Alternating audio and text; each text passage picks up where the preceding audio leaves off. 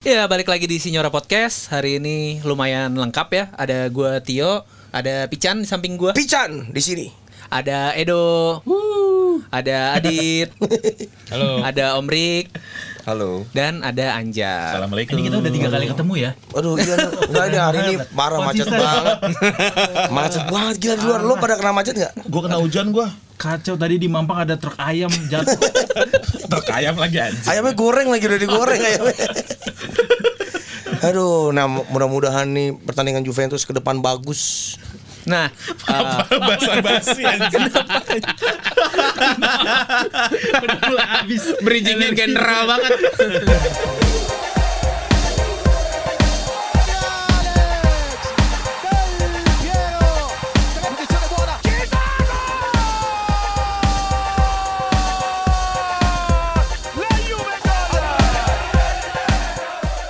Jadi next match kita bakal ketemu satu-satunya tim yang ngalahin Juve musim ini. Wah, Sassuolo. Sassuolo. Bener gak sih?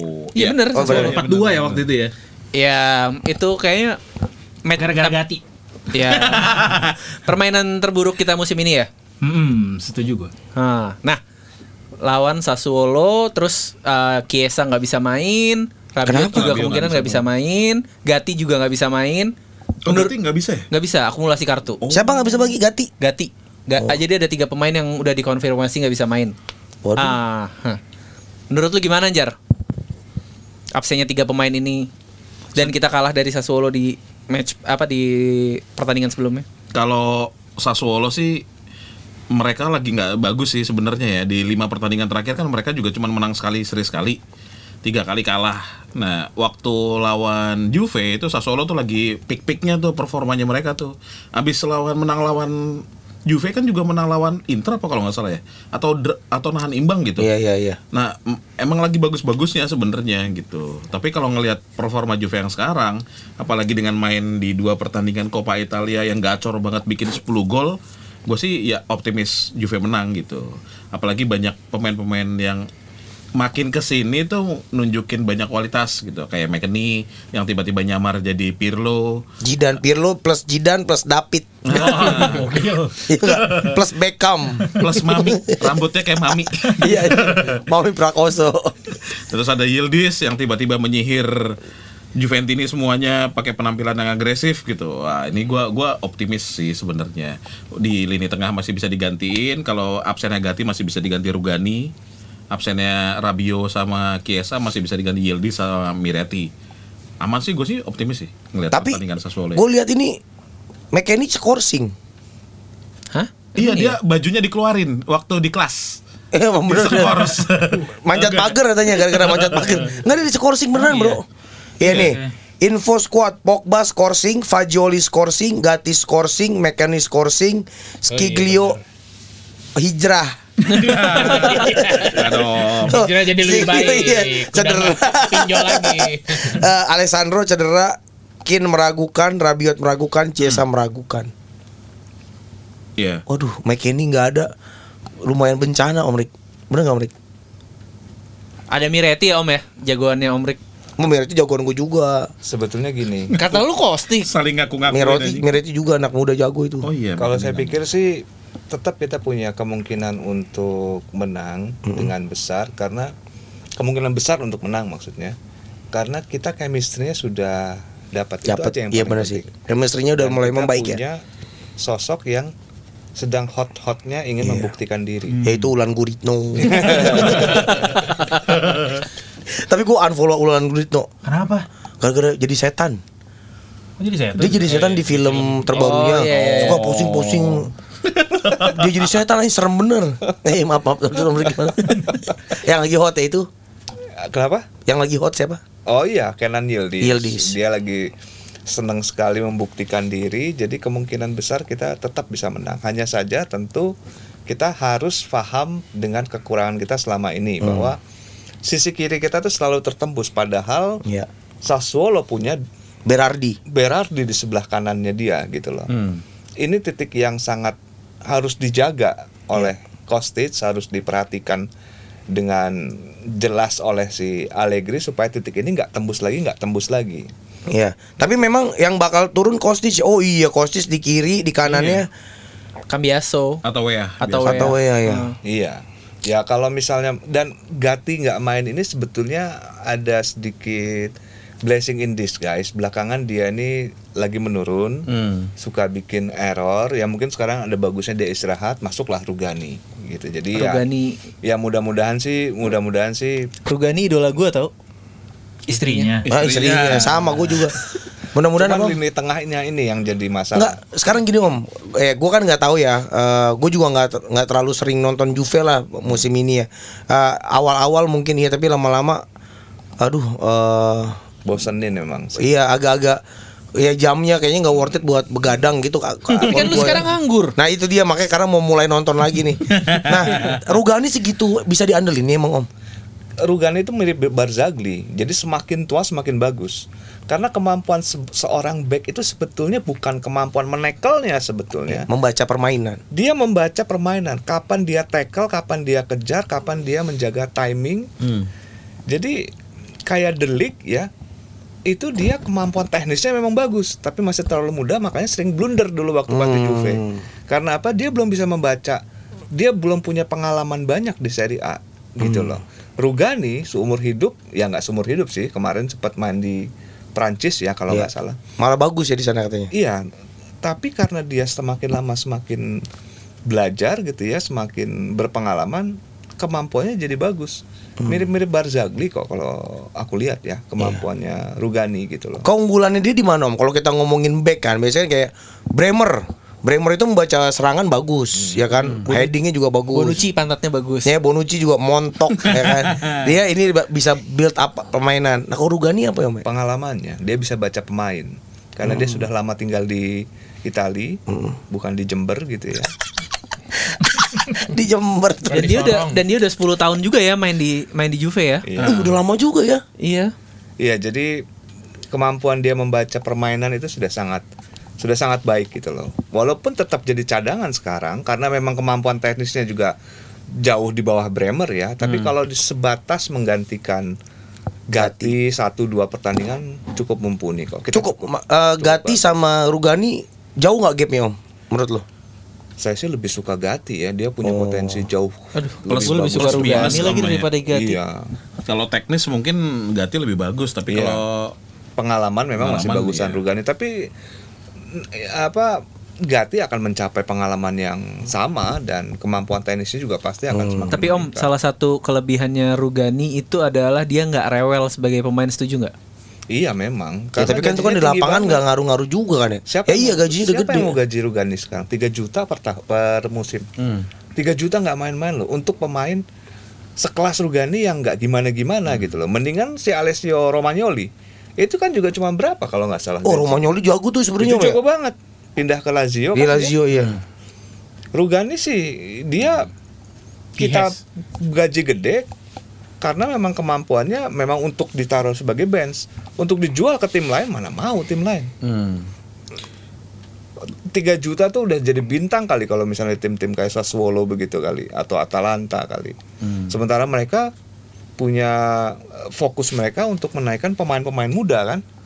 Mendingan mendingan menaikkan pemain muda ngapain Rugani? Jago-jago amat juga enggak tapi kalau jadi cadangan bagus ya. Oh gitu. Tapi sejauh ini Rogani waktu di eh, di musim ini kan sekali, sekali dipasang juga nggak pernah mengecewakan. Nggak pernah Dari mengecewakan. musim lalu Golin, kayaknya deh. golin, golin ya. Iya bagus kok. Iya bagus-bagus aja sih. Dia potensi ada.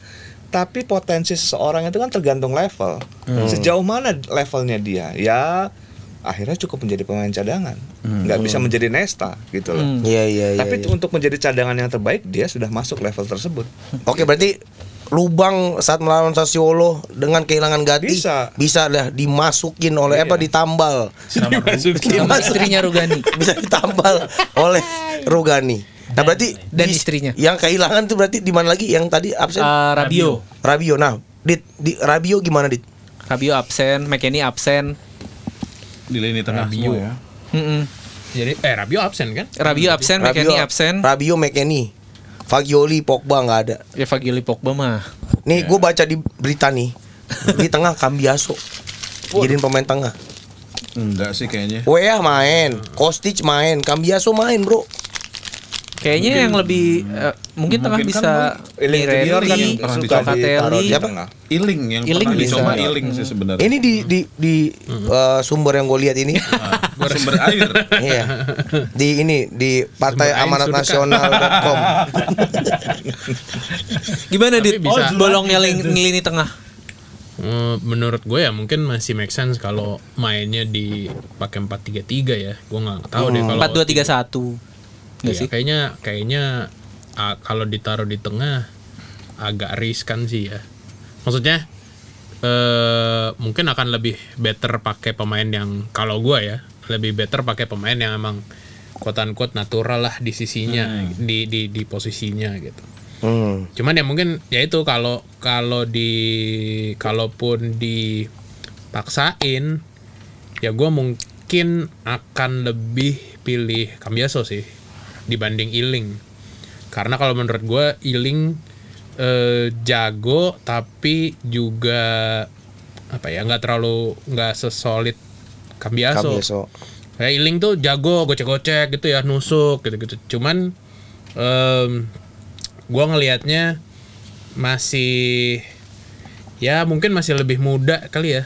Yang muda bergairah gitu. Agak pengen lebih show off. Sementara kalau Cambiaso tuh kayak masih ngasih eh sedikit ketenangan lah gitu. Kayak lebih solid. Lo apa namanya maju oke bertahan juga oke gitu Maju kayaknya kena mundur kena. Iya, kayaknya gua rasa itu sih mungkin itu juga kali ya, kayak faktor keseimbangan lah gitu. Jadi gua rasa ya mungkin kalau untuk tumble oke lah for now gitu. Lagi-lagi ya kita mau lihat nih si Allegri bisa beradaptasi sejauh mana gitu. Karena kan yang ha- dulu kan kononnya adalah keistimewaan Allegri Iya, dia betul. bisa, bisa Adaptasi, beradaptasi dengan Betul. keadaan. Eh, eh, dengan situasi dengan siapa pemain yang di yang available gitu Karena kan. dulu dia sebelum jadi Allegri dia bunglon. Iya. Di masa lalunya ya. Di masa lalu. Lalu Hmm. Tapi kan ada kemungkinan juga idolanya si Pican main tuh. Siapa tuh? Pemain muda idolanya Nonge. Pican. Nonge. Dari namanya aja udah gak kayak main bola ya. Lebih kayak lauk ya. Mas mau nasi sama nonge nggak nih? ikan nonge gitu. Tapi kan sebenarnya ada Miret. Kalau di tengah ngisi tengah tuh ada Miretti, Locatelli, Locatelli sama Nonge. Habis udah. ada Itu eh, siapa yang Nick- pemain muda? Nicolosi Caviglia. Dan- Caviglia. Hans Hans ya, Hans. Hans Nicolosi. Nah, itu gue lebih prefer mereka sih sebenarnya kayak bisa Nonge. pasang situ. Nah kalau Hans ngisi posisinya Locatelli, Hans. Locatelli bisa naik ke depan gitu. Jadi Iya. Mezala ya. Ezala ya. Nah tapi eh, selain itu absennya Kiesa nih gimana nih? Kok kalau dari gue pribadi gue kayak ngerasa ya udahlah Kiesa absen absen aja. Maksudnya Udah ada Yildiz. Ya udah ada Yildiz gitu. Iya. Nah dan selain Kiesa yang absen ini eh, si Ken ini kan juga masih belum pulih gitu kan. Sekarang Juve cuma punya tiga penyerang milik eh Vlahovic sama Yildiz. Menurut lu gimana dok? Hmm, Vlahovic dan Milik walaupun Yildiz sebenarnya bukan penyerang ya, dia kan Second striker. second striker dan posisinya yang sekarang tuh juga baru sebenarnya dipakai sama Allegri. Hmm, cukup lah dengan dengan harapan konsistensi atau eh, mereka untuk bisa bisa tetap fit sepanjang musim ini menurut gue dengan formasi tiga pilihan penyerang itu kita udah cu- punya modal cukup untuk bisa tetap setidaknya skor satu gol aja setiap pertandingan dan nggak kebobolan ya itu modal yang cukup gitu. Kan kayak kata Materazzi tuh kita kayak Inter tuh nggak punya keunggulan sebenarnya di atas Juventus. Karena Inter karena selisihnya cuma dua poin. Jadi nggak ada sesuatu yang eh, bisa dibanggakan sejauh ini dari Inter yang di posisi pertama gitu. Dan itu semua karena konsistensi Juventus sejauh ini. Dan nyambung sama yang dibilang sama Om Adi tadi bahwa sejauh ini Allegri tuh ternyata sudah cukup mampu melihatkan kapabilitasnya dulu tuh kembali lagi bahwa dia bisa adaptasi terhadap apa yang dia punya saat itu gitu loh. Terbukti walaupun dengan ya kita menangnya sekarang cuma 1-0, 2-1, tapi kan terakhir nih kita bisa menang sampai selisih 5 gol, nyetak 6 gol. Hmm. Menurut gue cukup cukup inilah cukup oke lah squad kita sekarang karena kita juga punya keuntungan ini kan. Nggak eh, main di Eropa. mainnya cuma satu kali seminggu. Nah, itu Kecuali sih. kalau ada Copa. itu sih gue ngerasa ini periode yang cukup krusial nih. Emang sih kita kehilangan beberapa pemain tapi ya eh ya udah kita lihat seberapa jauh Allegri bisa nge-push eh, tim yang ada sekarang, yang fit sekarang gitu. Karena kita ini kan bisa Solo, itu Empoli, Lecce. Habis itu Inter tuh. Waduh. Nah, kan em, em, Sassuolo Empoli Lecce tuh kayak paling maksimal tuh kayak 13, 14 sama 18 sampai 19 lah gitu. Ya itu sebenarnya stre apa ya? Periode yang harusnya bukan harusnya harus bisa dimaksimalin gitu. Sebelum habis itu kita lawan Inter nih gitu Iya. untuk penentu yang bisa jadi penentu Bisa jadi penentu Scudetto ya. Mm-mm, karena ya itu tadi ya dua-duanya cukup konsisten gitu. Iya. Nah, terus untuk lawan Sassuolo nih. eh prediksi lu berapa berapa Anjar? Sassuolo ya kalau ngelihat squadnya Juve yang sekarang yang lagi banyak eh, Pincang. pincang sebenarnya ya Pincang. pincang pincang di sebelah lu tuh Iya nih pincang. ya, Mau nasi goreng nggak? Udah mau nasi goreng nggak? enggak sih gue nggak terlalu berharap bisa bikin skor banyak sih gitu karena kan ternyata ngelihat performa Juve di Liga sama di Copa ternyata beda gitu Iya, iya. di Copa kayaknya semua partai itu berasa partai final gitu tapi kalau di Liga kan ya lu menang 1-0 pun nggak apa-apa karena minggu depan masih ada pertandingan lagi gitu Iya, iya. ya gue berharap sih tetap menang lebih gede gitu tapi ujung-ujungnya kalau ngelihat sekarang yang ada yang ada sekarang ya 1-0 aja udah buat gue udah realistis lah Yang ngegolin? kecuali, kecuali Yildiz mau punya kreasi lain gitu buat buat bikin perbedaan di match nanti gitu Hmm. Yang golin siapa 1-0? gue pengennya Vlahovic malah justru Vlahovic. Hmm. Omrik gimana Omrik? Skor? Kalau kita tetap pakai 352, kemungkinan kita bisa kalah.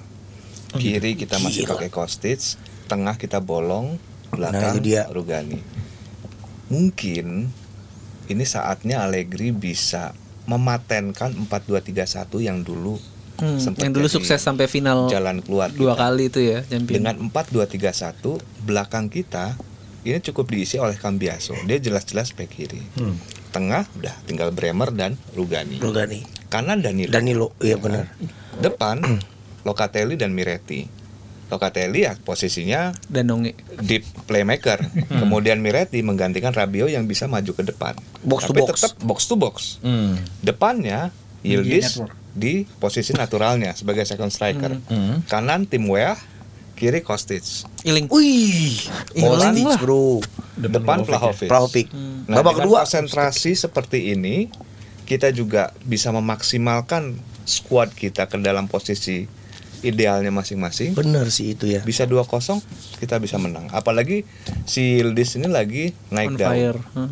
Dia butuh dukungan dan dengan Dari dia di rakyat. tengah ini dia didukung oleh tim yang mumpuni gitu loh. Kalau 3-5-2 tengah kita kalau Bener. abis Hmm. Setuju gua. ngandelin siapa tengah kita? Cuman Locatelli. Miretti masih terlalu anak kecil. Iya. Hmm. Nonge entar Kenapa lucu banget? Itu kan gak lucu. Nonge. Gue denger itu kayak conge. Nonge, nonge. Kalau yang nyebut ombrek lucu ya. Nonge.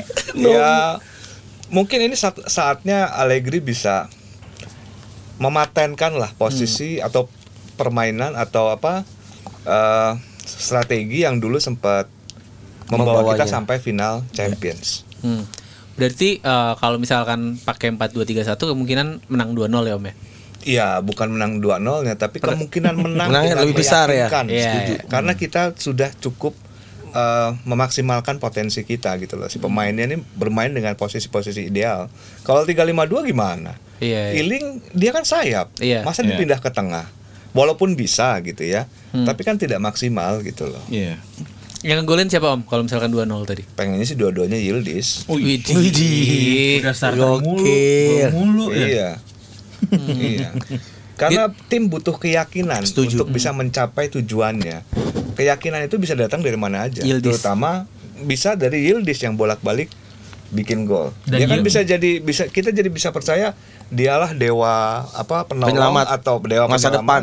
Atau iya Matahari. Ah, Dewa matahari. yang, Matahari. yang, yang, yang Raymond dong. kemunculan fenomena itu kan jarang sekali Iya, iya. dan kita udah lama sekali loh nggak muncul fenomena loh Iya. terakhir kali siapa sih Pogba kan Iya. terakhir kali Iya, paling iya. Pogba setelah itu hilang nah Yildiz ini lagi naik daun nih mudah-mudahan dia bisa Hmm. gitu loh Lu dit Gua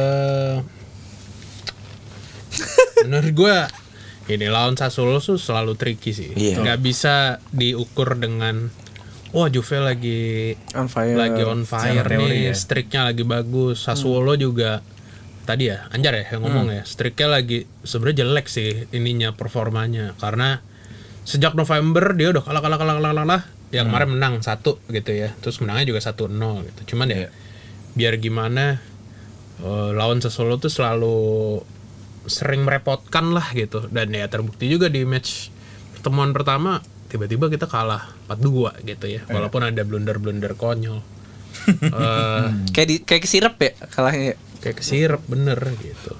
Eh gua sih ngerasa kalau feeling ya itu bener sih 4231 Cihui sih. Cuman ini feeling ya feeling kayaknya Allegri nggak akan berubah dari 352 gitu cuman emang ya pada akhirnya nanti pemainnya yang akan ditaruh siapa dan role-nya kayak gimana mungkin itu tuh yang berubah gitu tapi kayaknya feeling gue sih kalau nggak menang 21 31 yang golin Storari semua. Udah gak ada, orang gak ada. Udah nggak ada ya? Udah nggak ada. Udah? Maaf, maaf. maaf. gue sih kayaknya ya feeling gue yang golin Rampula. kayak ada Vlahovic satu, yang satu lagi kayak dari tengah sih. Nonge. Nonge. Nongeng. Si nongeng lah. Nongeng, pas nongeng. Ya kalau Ya, beneran ngegolin. Tapi nongeng dimainin kan kemarin kan? terakhir sempat dimainin. Aduh, Iya sih yang, yang main. megang kaos eh jersey-nya Vlahovic kan dia. Iya, iya. Selebrasi. Dan Oh, fungsinya buat megangin kaos Betul. kalau Iya, selebrasi. betul. dan itu yang dia post di saat orang-orang ngepost eh, bagian depan Vlahovic yang lagi ke pen- penonton dia ngepost yang bagian ada jersey dia ya, yang megangin jerseynya Vlahovic Lu gimana, Dok? gua 1-0 2-1 itu udah udah keren banget Juventus bisa menang sih tipis aja yang golin Bremer Widih, kenapa Bremer? Gua rasa golnya akan lahir dari set piece dan itu dari corner Hmm. dan itu menit terakhir Wow. Dramatis. Nggak aja. Nggak ada setiap prediksi yang ngomongnya begini mulu nih. Iya, iya. Tapi emang kebukti dong. Iya, Berapa iya. kali? Iya sih. Gimana, Chan? Gua, gua ini karena eh, kehilangannya lumayan krusial sih ya. Benar kalau nggak kata Om Rik kalau nggak benar di dirubah di posisi terbaiknya agak berat juga kalau tetap pakai 352. Ya kalau ngelihat Allegri kayaknya bakal tetap 352 ya ngelihat eh, apa eh, berita-berita segala macam ya menang 1-0 aja itu udah bagus banget itu. Beneran. Eh, satu 1-0 yang golin penalti. Vlahovic. Vlahovic. Mm-mm. Vlahovic, kenapa? Vlahovic. Ya kan dia nendang penalti dia bukan? Iya sih, benar. nonge apa? Nonge, nonge. Eh terakhir mah bukan Vlahovic Kiesa malah. Kiesa. Kan Kiesa nggak main. main. Karena Vlahovic gagal kemarin kan. Iya, ini ini Vlahovic dan dia akan ini ini mu- mungkin bisa bisa menjadi pertandingan uh, bounce back-nya dia ya, kebangkitannya dia. Dan dia akan jadi top skor Liga Turki. Yuk, yuk. Gua 2-0. 2-0 2-0. Nonga ya dua-duanya Dua-duanya Yildiz Piero. Keren nonge dulunya. Yildiz Piero. Yildiz Piero. Bangsat nonge itu kenapa disebut lu Kenapa nyebut nonge doang lu? makanya kalau beneran jadi tuh gokil sih Tapi si Nonge tuh beneran gelandang ya dia. Iya, gelandang. Iya, Gelandangan. Anyway, um, project apa uh, next gen-nya Juve yang udah dijalanin dari 2018 akhirnya musim ini tuh mulai kelihatan gitu loh pemain-pemain Hasilnya ya hasilnya yang kayak Miretti Miretti walaupun udah dari beberapa tahun yang lalu gitu kan terus Fagioli juga sebelum dia kena scores oke lah ya mainnya bagus gitu kan terus juga uh, Huisen walaupun dipinjemin gitu terus Tapi Mimi ini ke Roma bro nggak kaleng-kaleng bro. Iya, benar. Terus habis itu juga Blunder. eh, Iya. Terus Yildiz, terus Hans juga kan dari Next Gen, terus Ah. Eh Sole. Noknge, Soleh. Sole, Sol- Sole yang lagi dipinjemin juga Iya, bagus gitu. Eh, menurut lu gimana sih Dit mengenai si Next Gen ini? Yang udah mulai kelihatan atau menurut lu memang cuman bakal jadi plus Valenza doang nantinya? Hmm, kayaknya sih ya mungkin beberapa ada ya yang bakal jadi plus Valencia. Ya kayak Dragusin ya.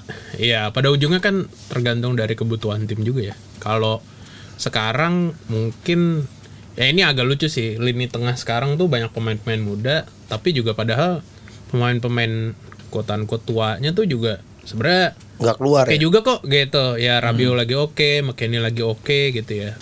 Pogba aja mungkin cedera gitu ya, Lokotoli jadi juga oke, tapi ya tak kenapa pemain-pemain muda pelapisnya tuh juga bagus-bagus Miretti, Fagioli gitu ya Em, kalau next gennya sendiri sih kalau menurut gua ya untuk ukuran Juve sih hasil dari next gen ini udah gokil banget sih gitu walaupun memang kalau dibandingin sama klub-klub Eropa lain Barcelona. bahkan iya nggak usah deh kita ngomong yang luar gitu kalau dibandingin sama Atalanta. Atalanta Bayangkara. Bang- Fiorentina. Ya, Sassuolo. Milan Inter aja gitu. Itu sebenarnya pemain-pemain muda mereka tuh jalan banyak dan konsisten itu udah terus-terusan gitu. Sebenarnya aim-nya adalah kita bisa nyaikin bisa nyaingin mereka eh, Milan Inter Atalanta gitu mungkin ya.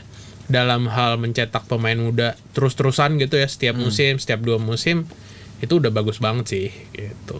Jadi gua rasa memang project yang perlu diapresiasi. Iya, apresiasi, Heeh, benar. tapi memang kalau gue mungkin tidak terlalu berharap banyak untuk nemuin mutiara yang bisa jadi Backbone. icon, icon club Iya. gitu. Ya kayak yang kita bahas sebelumnya ya mungkin kayak Yildiz ya mungkin dia emang jago Bakal nantinya cabut. akan mengkilap gitu ya tapi ya seperti permata-permata lain yang pernah datang tuh pasti ntar Ke ada yang bayarin maharnya pasti. Ke mana nih kira-kira? City, City. Yildiz. City. Ujung-ujungnya kalau nggak ke City ya? duet duet sama Halan ya? Iya, City itu akan punya dia Halan sama Foden. Hmm. Iya, Jadi Kalau lu dit pindah ke mana? Yildiz. gue lupa kan gue jawab apa ya di grup ya. Arsenal bukan? Eh apa Madrid? Madrid. Chelsea. Madrid, eh, Madrid, Madrid. bener. Gua Minimal Chelsea. 100 juta. Hmm. Kalau kata gue mah ke PSG dah. Enggak lah. Hmm. Dengan di Juve. Pemain Eh, tapi Juve ada Rovella itu juga Udah dilepas Dijual. kan? baru dijual itu ya. Permanen. Ke Lazio. Ya Allah, Permanen jago ya. bener itu orang. Nah itu jadi ya Rovella kan juga ya, dia bukan project Dia bukan next gen. tapi maksudnya ya sudah kecenderungan Juve adalah pemain-pemain muda tuh ya kita lihat aja ntar kebutuhannya gitu kan. Butuh Sayangnya duit di saat iya di saat Rovella bagus ya ada pemain-pemain lain yang kayak Miretti, Hans. eh Caviglia terus udah gitu eh, Rabiot mau bertahan. gitu ya, heeh. Nonge. Hans mah gak jago-jago banget kayaknya. Nonge. Hans biasa aja ya. Bi- ya belum kelihatan aja. Tapi udah tua juga dia kan. Dia tuh seumuran Fagioli kalau nggak Dua salah. empat dia kalau nggak Iya. salah. Enggak enggak dua-dua. Oh dua. Oh. Masih lebih muda Miretti. Iya, Miretti lebih muda. Tapi kan Masih Gen Z lah pokoknya. posisinya Hans tuh emang bukan posisi yang mencolok gitu. Dia tuh penyeimbang tim aja kan sebenarnya. Kayak ya Barenextea dulu siapa? Eh, Barenextea. Barenextea. Barenextea itu juga Iya, oke itu. Di Frosinone. Frosinone. Yang belum kelihatan yang dipinjemin si Kayo Jorge ya. Udah lumayan Udah dia. sering Kemarin ya, tapi dia. maksudnya maksudnya belum belum menonjol kayak Sole atau Beranaki. Nomor 9 dia. Baru Tapi main lagi. Sole top skor gitu ya. Delapan Ngehe gol juga 8 gol ya. Pencetak gol terbanyak Juve musim ini kan? Iya. Vlahovic. Ya Allah, ya Allah, ya Allah. Sayang ya. Itu kebukti bahwa sistem permainannya ya berarti ya. Hmm. Iya. Nah ngomong-ngomong soal sistem permainan nih Om, kenapa kalau di Copa Juve tuh kemarin bisa menang 6-1, menang 4-0, 10 gol loh dari dua match. Kenapa di Serie A nggak bisa main kayak gitu? Apakah Allegri-nya yang nggak mau atau memang gimana gitu? Anjing. Buat yang nggak tahu, Pican melakukan adegan dewasa. bayar pajak. Dewasa. Gimana gimana? Gimana Om Rik? Juve tidak lebih bagus ketika main di Coppa kok dibandingkan dengan Serie A. Betul. Lawannya nggak serius. Lawan sudah melepas keseriusannya di Coppa. Ah. Karena kan mereka punya konsentrasi di Serie A, mereka harus berjuang untuk lolos supaya nggak degradasi supaya ya. tidak degradasi gitu loh. Jadi memang Juve di, di- mendapatkan keuntungan bukan berarti Juve-nya jelek ya Juve ya biasa aja Iya, biasa gitu kan. Tapi kita juga dapat keuntungan karena lawan banyak yang melepas. Kalau misalnya kita dapat lawan Inter barulah kita boleh ngomong. Iya. Seandainya kita menang 6-0 baru kita bisa bisa ngomong oke bagus gitu loh. Kalau misalnya lawan Inter dengan tenaga yang sama dengan konseten- konsentrasi yang sama gitu ya boleh kita Atau mungkin misalkan lawan Lazio nanti di semifinal Iya, Copa nah, gitu ya. Kita baru bisa Iya. ngomong. Kalau sekarang lawan kelihatan sekali kok dia memang melepaskan konsentrasinya untuk ke seri A. Yang penting Ya kayak Salernitana kemarin gitu ya. Kemarin kan kita Salernitana. 2-1 kan. Iya. Ketinggalan dulu. Dia dia Bagus lagi golnya. Iya. Kalau saya pikir itu kepintaran Inzaghi kelihatan di situ. Saat dia main di Copa, dia ingin memancing pemain Juve untuk menye- menyerang Tapi dia. kayaknya ini ya, ya, kayaknya kalau dilihat tuh pas Copa kemarin itu Salernitana awalnya masih main lumayan serius tuh, tapi begitu ke golan ketiga langsung ah udahlah lepas gitu gak sih? Iya, memang dari awal sudah tidak konsentrasi. Memang memang memang sudah melepaskan konsentrasi untuk seri A. Ngapain dia berjuang mati-matian di Yang udah tahu bakal nggak menang juga ya. Iya susah gitu loh karena kelihatannya Juve juga menjadikan Copa ini sebagai objektif. Kalau misalnya Juve tidak menjadikan Copa sebagai objektif, mungkin mereka akan serius. Nongek main itu di situ. main-main ya. Dan itu tuh. kualitasnya juga memang jauh kok antara skuad cadangan kita dengan Jauh, Salernitana yang bumi sudah langit. melepas. Jadi ya, ya itu alasan kenapa kita bisa menang dengan tinggi gitu loh. Gimana Jar sepakat? Ya, Sepakat. waktu itu kita kan sempat ngobrol juga tuh waktu beberapa episode lalu gitu maksudnya. Kadang kan tim-tim kecil juga walaupun eh, konsentrasinya memang nggak ke liga, tapi kan kalau di Copa kan punya jumlah permainan yang lebih sedikit, yang ada potensi menangnya lebih Iya. banyak gitu kan sebenarnya Iya, iya. gitu. Tapi kalau balik lagi kalau ya gue gue setuju sama Om Rick ketika bilang Copa tuh salah satu objektifnya Juve. Ya kalau udah gitu sih ya ya nggak Iya. bisa dibantah lagi maksud gue gitu. Iya. Ya udahlah. Nggak usah berantem. Tapi gue setuju tuh Lazio nih yang bakal jadi Pujian. the true test buat Copa gitu ya. Selain karena ya secara tim mereka jauh lebih kuat ya dibanding Iya. lawan-lawan kita di Copa sebelumnya. Itu tadi Lazio tuh menjadikan Copa objektif juga sama Iya, kayak Juve. betul. Karena gua rasa mereka juga cukup sadar kalau bertarung di seri jadi juara di Serie A juga susah. Ya paling mentok-mentoknya berusaha untuk champion atau mungkin Dapat Eropa League lah segitu. Iya, Mainnya iya. main di Eropa gitu. Nah, di luar itu apa? Ya Copa. Iya. Nah, ini nih makanya bakal mereka bak ini bakal beda sih lawan Lazio di semifinal bakal bakal ngotot sih gitu. juara Copa tuh otomatis main di Champions League kan ya? Enggak enggak, enggak champion. Eropa, Europa. Europa, Europa League. Oh League. Europa League. Mm-mm. Ini buat tim-tim kayak Lazio, Roma kayak gitu-gitu kan eh, yang belum tentu bisa nembus empat besar kan ya juara Copa menjadi salah satu pilihan buat ke situ gitu. Eropa apa yang baru itu ya? Apa? Eropa Eropa. Bersin aja. Persennya lucu. Gua udah nahan. Bayangan gue masih Tio Ayan. Apa garok-garok ya? Iya. Oh iya bener. Lo kena polusi yo. Iya, polusi. Polusi galer. Karena ini putik-putik bunga. Nah ngomong-ngomong soal Copa, soal next gen, Ah. eh, salah satu pemain yang menonjol tuh kan Kenan Yildiz gitu ya. Menurut lu gimana? eh di apa dok mengenai si Kenan Yildiz ini? Menurut gue dia akan jadi the next rising star. The true next rising star. Ah dulu di Bala juga dibilang gitu. Tapi kan Yildiz memulainya lebih muda daripada Dybala. Dan sejauh ini sih yang gue lihat memang dia cukup konsisten ya. Maksudnya nggak yang gara-gara keberuntungan doang. Emang dia punya skill juga, terus dia fisiknya juga oke dan kayaknya dan dia katanya beneran fans Juventus dari kecil juga. Fans Del Piero dia bukan Fans, Del Piero. Juventus. ya. Fans Del Piero. Dia sih nggak pernah yang gue baca dia nggak pernah nge-state kalau dia fans Juventus, tapi dia nge-state dia fans Del Piero. gitu. Da- tapi dia pernah pernah make sure maksudnya eh, waktu dia awal apa apa awal musim ini ya apa, kema- apa musim kemarin. Musim lalu bahwa kecintaannya sama Juventus tuh benar-benar eh, saat untuk saat ini kat- dengan dia posting foto dia waktu itu pakai jaket hitam putih terus kayak di saat banyak rumor bahwa Yildiz tuh akan segera dijual setelah dibeli dari Bayern gitu. Jadi setidaknya sa- sampai saat ini dengan kemampuan yang ditunjukkan sama Yildiz dengan eh, modal yang dia punya, kapabilitas yang dia punya, gue sih yakin ini di bawah Allegri dia setidaknya bisa bisa nunjukin konsistensi gitu sejauh ini ya dari dari pengamatan sejauh. Tapi sebenarnya menurut gue salah satu bukti kalau Yildiz ini adalah ya punya punya ya gue nggak tahu ya sebe- seberapa besar kecintaannya tapi dia punya kecintaan ke Juve tuh yang pas Allegri habis ingat gak habis dia debut Nyokor Allegri bilang rambut ya? iya Dia cukur tuh di Asgar. terlalu banyak dia seribu kali megang poninya. Iya katanya gitu. Menurut lu gimana, Chan? Apa? Yildiz. Ildis. Golnya dari dari sudut itu mulu. Golnya Ildis. Dari kiri mulu. dari kiri iya, mulu. iya. Jadi kalau dia nggak bisa ngembangin cara mainnya kebaca tuh takutnya gitu Hmm. kalau gua. Tapi promising nggak? Wah sangat sangat sangat promising ya ini eh, punya aura kelas dunia. Hmm. Ini world class player ini. Tapi golnya tipikal dari situ terus ya. Iya. Gue lihat tadi golnya lawan Jerman dari situ. Iya, Eh, yang pergerakannya dari situ, iya, dari eh, situ. dari situ gitu. Ya harus lebih ini aja mungkin ya buat buat De ke depannya. Apa? Buat De Buat De Ildis yang saya bilang jangan sering-sering main sama nonge. jangan suka tuh, jangan suka ikut pakai narkoba. nonge udah dianggap jahat. Udah di framing dulu. Ya, jangan mau tuh kalau dia manjat pagar, jangan mau. Jejak bolos. Jadi promising ya ajaib ya kalau dia megang bola tuh Hmm.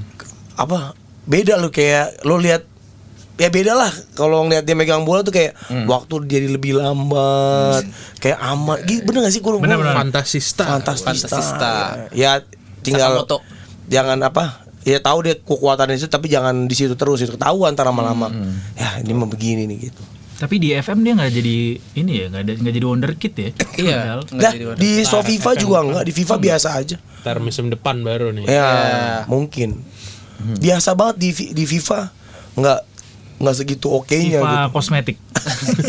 Terus Dit, tapi kalau menurut lu dia eh, kalau misalkan kan mulai ya kurva Twitter ngomong soal numero 10 segala macam. Menurut lu kecepatan gak sih kalau musim depan udah ganti nomor? Iya. Soalnya menurut gua masih panjang lah perjalanan dia gitu ya. Dan gua rasa tadi kan lo sempat mention ya, kalau gua nggak apa-apa sih Kiesa cedera deh gitu. Kalau gua sebenarnya masih menurut gua Kiesa tuh masih jadi mesin sih di lini depan gitu. Dan gua rasa em, ya Yildiz punya shooting star quality lah ya gitu kayak yang Pican bilang tadi wah waktu jadi lebih lambat emang iya sih saya setiap dia dapat bola tuh kita kan jadi Ngeliatin. punya ekspektasi kita jadi berharap jadi nebak-nebak oh ini mau ngapain ya dia nih gitu Hmm. eh tapi menurut gua tetap Kiesa tuh masih jadi motor di depan yang ya secara merit pun dia juga masih layak jadi starter yang ya kalau dengan formasi yang ada sekarang ya berarti Hmm. harus ada yang nemenin eh, apa namanya prima puntanya kan Mm-mm. yang ya mostly Vlahovic cuman ya kadang-kadang milik gitu gua rasa memang eh, pada akhirnya ketika nanti Chiesa sudah fit gitu ya ya Gildis mungkin akan jadi utility player lah gitu mungkin siapa tahu bisa jadi CAM. super sub gitu ya gitu yang em, balik lagi gua rasa sih masih kecepatan ya untuk umur dia di berapa 18 19 ya 18 ya untuk untuk megang nomor 10 gue cuman selain juga kecepatan gue takut ntar malah jadi beban, Beban buat dianya. dia, ya. Kayak di bala ya. Iya, heeh, dan apa ya nggak semua orang tuh sanggup untuk nggak usah deh pemain muda, nggak semua orang sanggup untuk megang nomor 10 Kecuali gitu Jadon kan. Sancho, berani dia tuh belang Dortmund langsung nomor 10. Gila tuh gua. Tapi kayaknya memang setelah apa Del Piero pensiun yang menurut gua Sosoknya. sosok nomor 10 yang paling oke di Juve itu Tevez. Iya emang. Selain selain Tevez tuh ya Soso lah. Iya B aja. Ya, Makanya di bala 21 tuh lebih jago. Lebih jago, Ya, Bala di bala 21 Pogba 6. Di bala 9 lah udah bagus itu juga di bala so nomor 9 juga bagus. Palermo. Palermo. Palermo. iya. Palermo. Makanya. Nah itu yang Lo satu. Wah lu udah gak clean sheet lu ya? Tinggal Edo yang sebenarnya. Sebenarnya kalau Chiesa di mungkin gak sih Chiesa sama Yildiz main bareng? Mungkin. mungkin. Bagus banget tuh kali ya. Mungkin. Cuma memang kalau menurut gue itu mungkin terjadi Musim depan. ketika kita lawan pem- apa ya lawan klub-klub tertentu yang nggak butuh digedor pakai striker tinggi gede which is striker tinggi gedenya kan sekarang ya Vlahovic sama Milik Milik. kan Kin gue nggak anggap karena gue nggak pernah nganggap dia Siapa? Ya kalau oke ya sama. Tapi kalau Chiesa di kiri Om. Eh eh, siapa pun di kiri ya. Eh Vlahovic di depan. Chiesa di kanan misalnya. Yildiz di Kiri. CAM misalnya. Mungkin kan? Mungkin. Ya sebetulnya kita Kiesa sudah bisa kanan punya- kiri kok. Kita sudah punya formasi yang tepat untuk itu dan sempat masuk ke semifinal Champions kan 4-2-3-1. Enggak dengan Final, yang sekarang nih. Ya, kebayang misalnya kiri Kiesa, tengah Yildiz, kanan Mikeni. Jadi Weh. udah urusan. Weh. Weh. Bisa weh ya. Kalau enggak Iling kiri, Ciesa kanan. Bisa juga. Bisa juga. Tapi masalahnya di babak kedua pemain penggantinya nggak ada. Iya, Habis Nonge. karena Iya. eh, Dia lagi nyuci si kaos kaki. Allegri sih nggak mungkin bisa lepas dari si Mikeni ya. Sama Nonge. Dari sayap kanan itu bisa hibrid jadi tiba-tiba 352 gitu loh. Hmm. Oh, ya kan Mikeni. apa Mikeninya turun ke bawah sedikit, Yildiznya ini gitu loh apa turun sedikit. Bisa bisa bisa bertransformasi ke arah situ. Jadi tetap selalu ada kemungkinan sih sebenarnya. Iya Mike ini tuh tiba-tiba ya bisa menjadi Andrea football. gitu ya. Keren. Gila. Tapi kalau menurut lu sendiri Jar kan Lebih ampuh mana? Sumpit sama panah. Mendingan sumpit. Ada bau-bau juga kan. Tapi kalau menurut lu nih Jar, kan ada beberapa pemain Juve yang kayak jarang kepake ya kayak Iling, Hans gitu. Menurut lu mereka perlu dipinjemin gak sih di tengah musim ini? Kalau tengah musim jangan, karena kan kita masih kekurangan Pemain. squad kita nggak dalam gitu. Hmm. Jangan dulu kasih waktu dulu aja gitu. Tapi ya wajar sih maksudnya kalau untuk nembus squad segede klub Juventus gitu ya pasti butuh waktu lah gitu. Hmm. Dan tipikal Allegri selalu gitu kan waktu datangin di bala pun juga dicadangin dulu. Iya. Baru habis itu baru dimainin rutin kayak gitu. Tapi kenapa menurut lu kayak dia gue sering baca tuh Allegri tuh ngotot banget pengen mertahanin Iling, tapi nggak- dia ja, kayak jarang paling jarang dimainin deh di antara pemain-pemain muda Juve. Nah, yang ngotot Allegri apa manajemennya? Nggak tahu juga tuh. Maksudnya kalau dipertahanin tapi ternyata di extend kontrak terus dijual harga mahal kan manajemen yang mau berarti gitu. Enggak uh, kalau yang gue baca tuh manajemen sebenarnya pengen minjemin Iling, tapi ditahan sama Allegri. Karena kalau gua ngelihat sih karena Juve tuh selalu susah nemu pemain yang ada di yang nyisir sayap kiri gitu. Dari dulu tuh kita punya banyak pemain di kanan kayak Nedved, eh, Camoranesi gitu. Tapi di kiri tuh kita nggak jarang banget punya sosok yang bisa main nyisir sayap kiri Sampai gitu. akhirnya Nedved waktu itu digeser ke kiri ya. Ah, nah sekarang sekarang sebenarnya punya pilihan banyak sebenarnya ada Kostic ada Chiesa. Kiesa banyak gitu nah ya mungkin ada makanya eh Iling diajak atau diajarin main di tengah ya mungkin salah satunya dia eh punya potensi di situ mungkin ya tapi kan kesukaan Allegri kan ngelihat pemain tinggi gede punya power kuat ya mungkin salah satu yang di mau gitu Oke, Om Rick, ini kita bahas Mercato dikit ya Om. Eh, ini baru aja masuk kabar dari Romeo Agresti kalau Juve ini udah hampir pasti dapetin Thiago Jallo. Jallo. Apakah itu bisa jadi pertanda bahwa kita akan bergeser ke formasi 4 back karena Jallo itu kan bisa dipasang di back kanan gitu. kanan kiri bisa Iya kanan kiri bisa, tapi dia lebih kuat di kanan. Sebelum komrik gue dulu mau ngomong. Ya karena Om Rick kan biasanya kan valid ya. Kalau gua kan ngaco nih ngasih. Justru itu akan memperkukuh formasi 3 back kalau menurut gua. Oh iya? Iya, Iya, iyalah. karena emang karena posisi- Jalo posisi terbaiknya posisi di terbaiknya tengah. back tengah. Iya. Iya, iya, betul, betul. Kalau gua, nah Om Rick ya kan? Sama aja lah. Dia sebetulnya kan Jalo emang tengah, tapi saya sih lebih ngelihat ini usaha manajemen Juventus untuk kedalaman squad.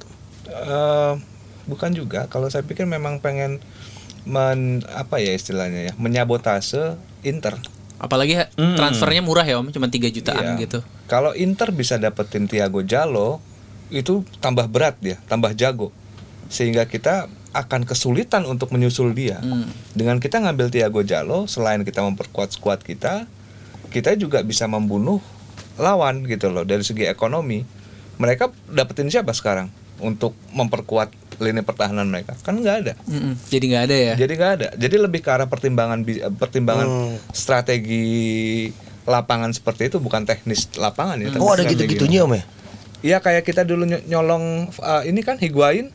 Oh, itu iya. kan sebetulnya kita hanya mencuri mencuri Lima puntanya. Iya, kemampuan Napoli sem- 70% untuk membeli gelar juara kita di musim berikutnya. Hmm. Karena sebelumnya kan mereka hampir juara kan dengan Higuain Iya. kan. Caranya gimana? Pakai cara Bayern Munchen. Dilucutin itu kekuatan lawan. Sama kayak kita sekarang Thiago Jalo. Kalau dibilang penting-penting amat nggak juga, kita udah punya cukup banyak kok cadangan kan.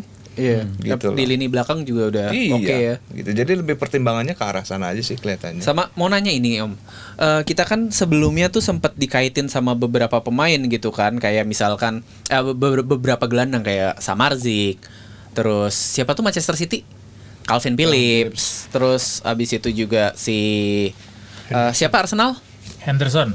Arsenal. Partai, partai. Partai gitu. Terus tiba-tiba sekarang eh, rumornya malah dua pemain yang ya bisa dibilang udah cukup tua lah ya si Saul Niguez sama eh, Henderson. Menurut Om gimana? Ke- eh, maksudnya kita bukannya regenerasi malah mau datengin pemain tua gitu.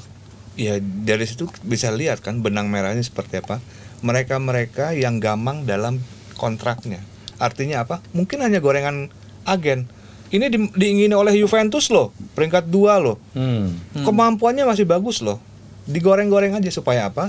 Dia bisa dapat kontrak baru. Mungkin bukan di klub yang terbaru, eh, mungkin bukan di klubnya dia sekarang, tapi mungkin dapat dari West Ham misalnya, atau Crystal Palace misalnya. Newcastle. Newcastle, oh, Newcastle udah udah udah termasuk top top top 4 ya dia ya. Enggak, peringkat 14 ya Chan Newcastle, Newcastle. musim ini. Heeh.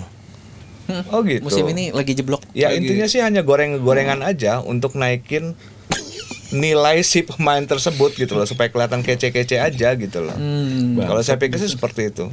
Karena kalau misalnya kita beli buat apa? Eh kita ambil buat apa? Hmm. Ya kan kita masih punya anak-anak muda. Buat apa? Menawarkan senioritas lah. Emang Rabiot kurang senior. Kayak gimana lagi? Danilo kurang Abang-abangan senior banget gimana lagi? Tapi kan Mirip Henderson gua udah kan. pernah Champions Om. Kita kan tidak di Champions sekarang. Iya sih. Dan Tapi kan Rabiot juga baru 28 Om umurnya Om. Eh, senioritas kan bukan dari segi umur. Umur. Berapa lama dia di tim tersebut sehingga bisa disandang ban kapten. Dan yang paling penting chemistry. Ini orang bule Inggris masuk Benar. tim Italia paling bisa ngomong sama Iling Junior Iya. sama Timothy Weah doang Mami Kenny mungkin. Sama Nonge. Gimana Dit menurut lo Dit Hen- Hendo? Enggak lah, ngapain sih buat apa? Sama sih gua ada gitunya sih kayak ngapain sih udah. Mendingan party. Aduh, udah mending kita partai. Mendingan Nonge. Tapi kalau gini misalnya oh, dulu kan kita pernah datengin Cimenti, cuman buat ngelatih Buffon buat nahan free kick. Hmm. Nah itu Emang iya. iya dulu, du- nah kayak gitu-gitu masih masih bisa berlaku nggak sih? Masih bisa. teori-teori kayak gitu. Masih bisa eh, kayak sekarang kan kita punya siapa itu yang pemain nggak bagus tapi sekarang jadi asisten pelatih. Story. Ah, bukan. Oh yang Padoin. Padoin. Padoin. Padoin. Ya, itu bisa juga terjadi sih. Kita apa kayak dulu Zlatan Ibrahimovic itu dilatih oleh syutingnya itu sama Capello disuruh berlatih sama lupa siapa pemain Ravanelli kalau nggak salah. Sempat dibawa hanya untuk melatih si Ibrahimovic gitu loh. Syutingnya itu. Jadi Ibrahimovic tuh bagus syutingnya itu dilatih sama salah satu legendnya kita. Aduh, Jadi bisa-bisa aja. Tapi kalau di insert ke dalam sebuah tim dengan asumsi lini tengah kita sudah sedemikian lemahnya sehingga harus mendatangkan orang yang sudah tidak muda lagi, rasanya sulit deh. Kita kan juga harus keluar uang gede untuk ngegaji mereka kan, Henderson cuma satu setengah juta Om. Tapi Cuma beda lima ratus ribu sama sama Pinsoglio. Pinsoglio. Iya cuma beda lima ratus ribu sama Pinsoglio. Apakah chemistry-nya bakal masuk? Menimbulkan pertanyaan nggak? Orang sekeren itu mau digaji serendah itu, ada apa? Enggak sisa gajinya tetap dibayarin sama klub lamanya. Kenapa klub lamanya mau melepas Henderson yang katanya sejago itu? Nggak Ini bisa- kan menimbulkan pertanyaan. Iya, ini kan rusuh dia di sana kan. Takutnya gitu, chemistry kita yang udah jadi ini jangan sampai Rusak. rusak kan menimbulkan pertanyaan nih kenapa sih klubnya sampai bela-belain gajinya dibayarin nih Terus pergi. yang penting lu pergi deh gitu loh. kita ngapain nerima kayak begituan kita udah gue juga mapan kok percaya itu gorengan juga sih gitu plus sama ya sejujurnya di di kepala gue tuh selalu ada masih selalu ada pikiran pemain Inggris mah berat berhasil di Itali gitu jadi Iya. Nggak cocok soalnya. Kayak Iling aja mulai kelihatan ya, nggak terlalu bagus. Karena dari kecil ya. Jadi value-nya beda. Mungkin uh, adaptasinya beda. Beda kalau udah jadi di Inggris ke ini susah. waktu kecil tuh jangan suka makan upil ya Iya. tapi bandel emang bangor ya bukan berarti tidak mungkin mereka hadir ya. Iya, iya. Tapi seandainya pun hadir kan menimbulkan pertanyaan Betul. juga gitu. Betul. Kenapa kok hadir? Dari tetangga. Tapi menurut tapi gue sebenarnya berpikiran kayak tim yang udah ada sekarang tuh ya udah kita nggak perlu datengin siapa-siapa di winter mercato ini nabung aja buat summer biar kita bisa datengin pemain yang maksimal. Menurut lu gimana, Dit? Hmm, Setuju nggak? Atau memang ada yang harus ditambal di winter mercato ini? ya kalau dibilang tambal sih pasti ada yang ditambal ya. Tapi jangan Tapi kan tergantung juga dari siapa yang available di market gitu kan. Hmm. Itu yang saat ini kayaknya eh pemain yang ya tadi ya kriterianya banyak kan. Ya ya bagus, cocok Murah. sama Juve, cocok dengan culture It- Italia gitu ya.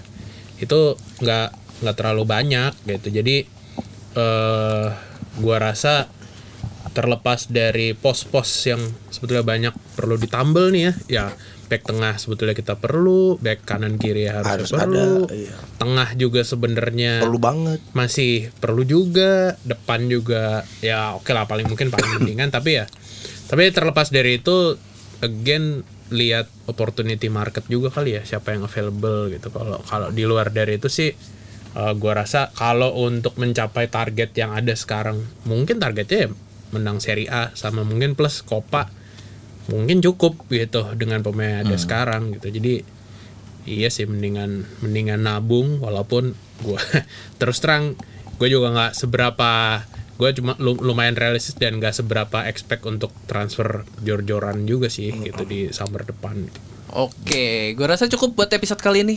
Terima kasih buat teman-teman yang udah dengar. Iya. Jangan lupa di follow semua. Lanjutin Chan. Lapar. Oke, eh, jangan lupa di follow semua media so- sosial medianya Senior Podcast. Jangan lupa nyalain loncengnya juga di Jangan lupa Spotify. di share juga. Ya, jangan lupa di Setiap share episodenya. setiap episodenya. Ciao. Ciao, Ciao, ciao. Forza Juve. Forza Thank you Juve. semuanya. nonge nonge yes yes Yes, yes, yes.